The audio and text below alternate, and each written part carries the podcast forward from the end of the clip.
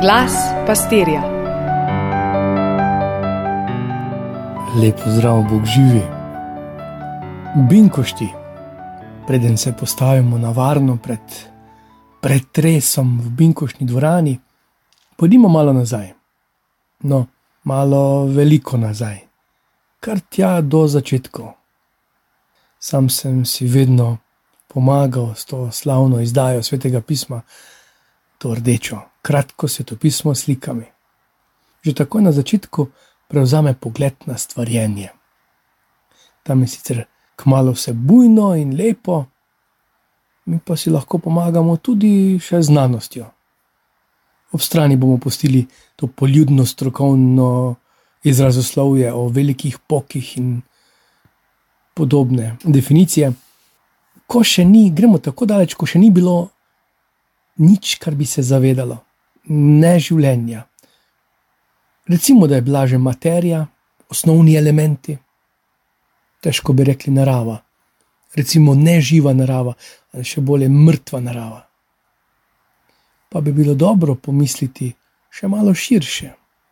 Ko se to pismo na kratko označi, Zemlja je bila pusta in prazna, velja to za vso kozmično karto, za vesolje in vesolja in vesoljstva. A duh je že vel, je bil tam skriti gost, ki je dal ne samo, da je zaživelo, to živo ne samo, da je v možnosti, da posreduje življenje naprej. To živo želi živeti, to živo želi napredovati, to živo je tudi lepo, je smiselno, je v harmoniji in ljubi. Vse to iz tega diha, svetega diha, svetega duha, dih sleherne bilke in obstoj slehernega atomčka. In mi sedaj po nekaj trenutkih zgodovine v gumijastih rokavicah, z eproveto v roki, utemeljujemo zakone narave, dokazujemo obstoj in smotr vsega. Komu? Sebi? Naravi? Možnemu bitju z veliko pisano, tam onkraj našega zavedanja.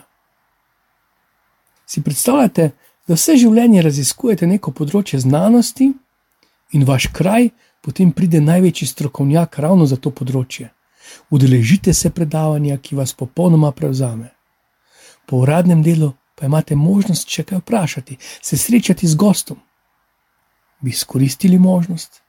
Ali bi si rekli, hm, zaenkrat bo dovolj, gremo lepo počasi, službo imam, nekaj novega sem zvedel, sicer se mi še postavlja kakšno vprašanje, a kaj, ko ne vem, če bom dobil zadovoljive odgovore. Kaj, če se mi potem porodijo še nova vprašanja? Če gremo tu na, ta, na to naše praktično življenje v krščanstvu, je zelo podobno, kako hitro se zadovoljimo z nekim uh, dogodkom, z nekim praznikom, z nekim praznovanjem, z nekim ritualom, tudi s prejemom zakramenta, ki ga potem pospravim, dam na varno. Kje je prekipevanje tiste narave, lepota, enkratnost, krepenje. Mogoče se je ta skupek celic, ki se mu reče Homo sapiens, do sedaj edino poznano bitje na tej stopni svobode, zadovoljilo s tem, da shodi, maturira, se zaposli, vmes doživi nekaj stresnih situacij, kot so razna praznovanja, potovanja, obletnice, rituali in se na koncu poslovi. Te dni smo zabeležili stoti dan vojne v Ukrajini.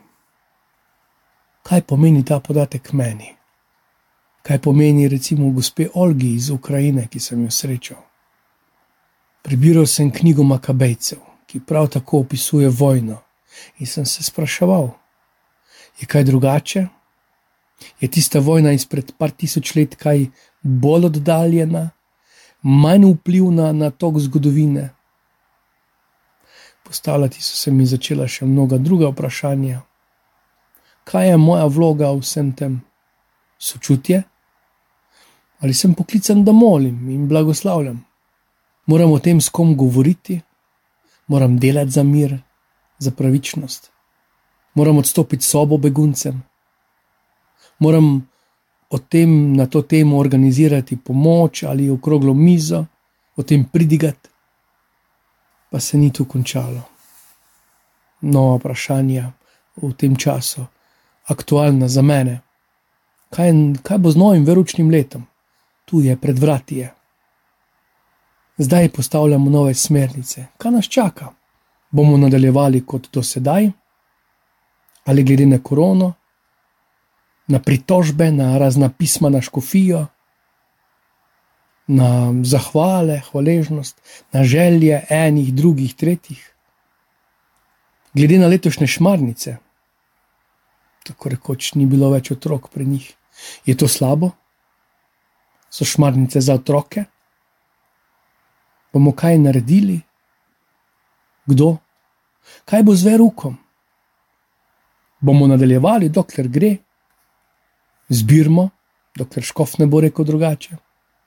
Lepe nedelje, dokler bo vsaj malo interesa za praznovanje česa, praznujemo kaj, koga, komu, koliko vprašanj. Če bi povedal vsa, ki se mi rojevajo ali rojijo, bi začutili pravi vihar in kaj še prihaja. Mogoče pa binkošna dvorana le ni tako daleč.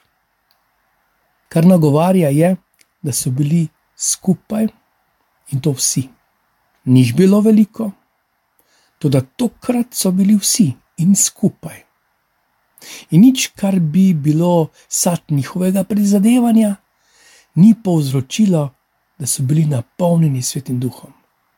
Isti duh, ki je dal iskro začetku, bodi svetloba in zmožnost celici, da se je, namesto da bi umrla, razdelila in na novo zaživela, isti duh je dal vsemu smisel in vse postavil v melodijo, ne v okvire, ampak v harmonijo.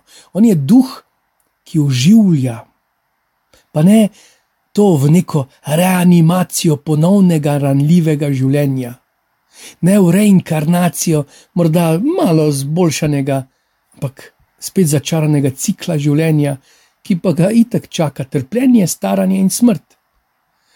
Ampak življenje v Kristusu. To je edino življenje, kjer sobivata Bog in človek. Edino življenje, ki prenese sleherno stisko, pace, neuspeh, celo smrt. Ni cilj krščanstva križ. Nihče si ne želi smrti, ampak življenje v Kristusu použije celo smrt.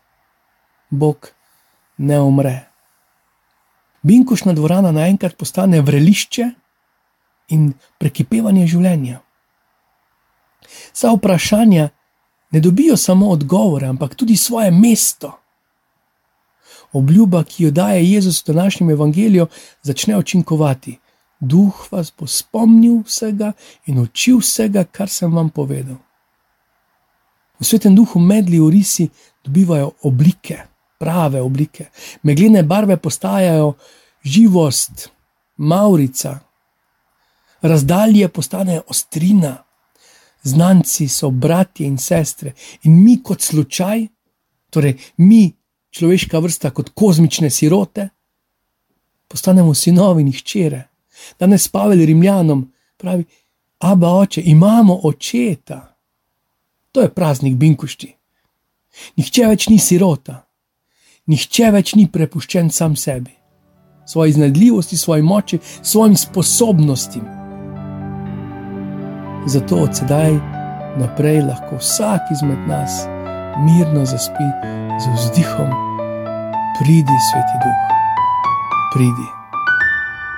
Vse dobro, bo pa živi.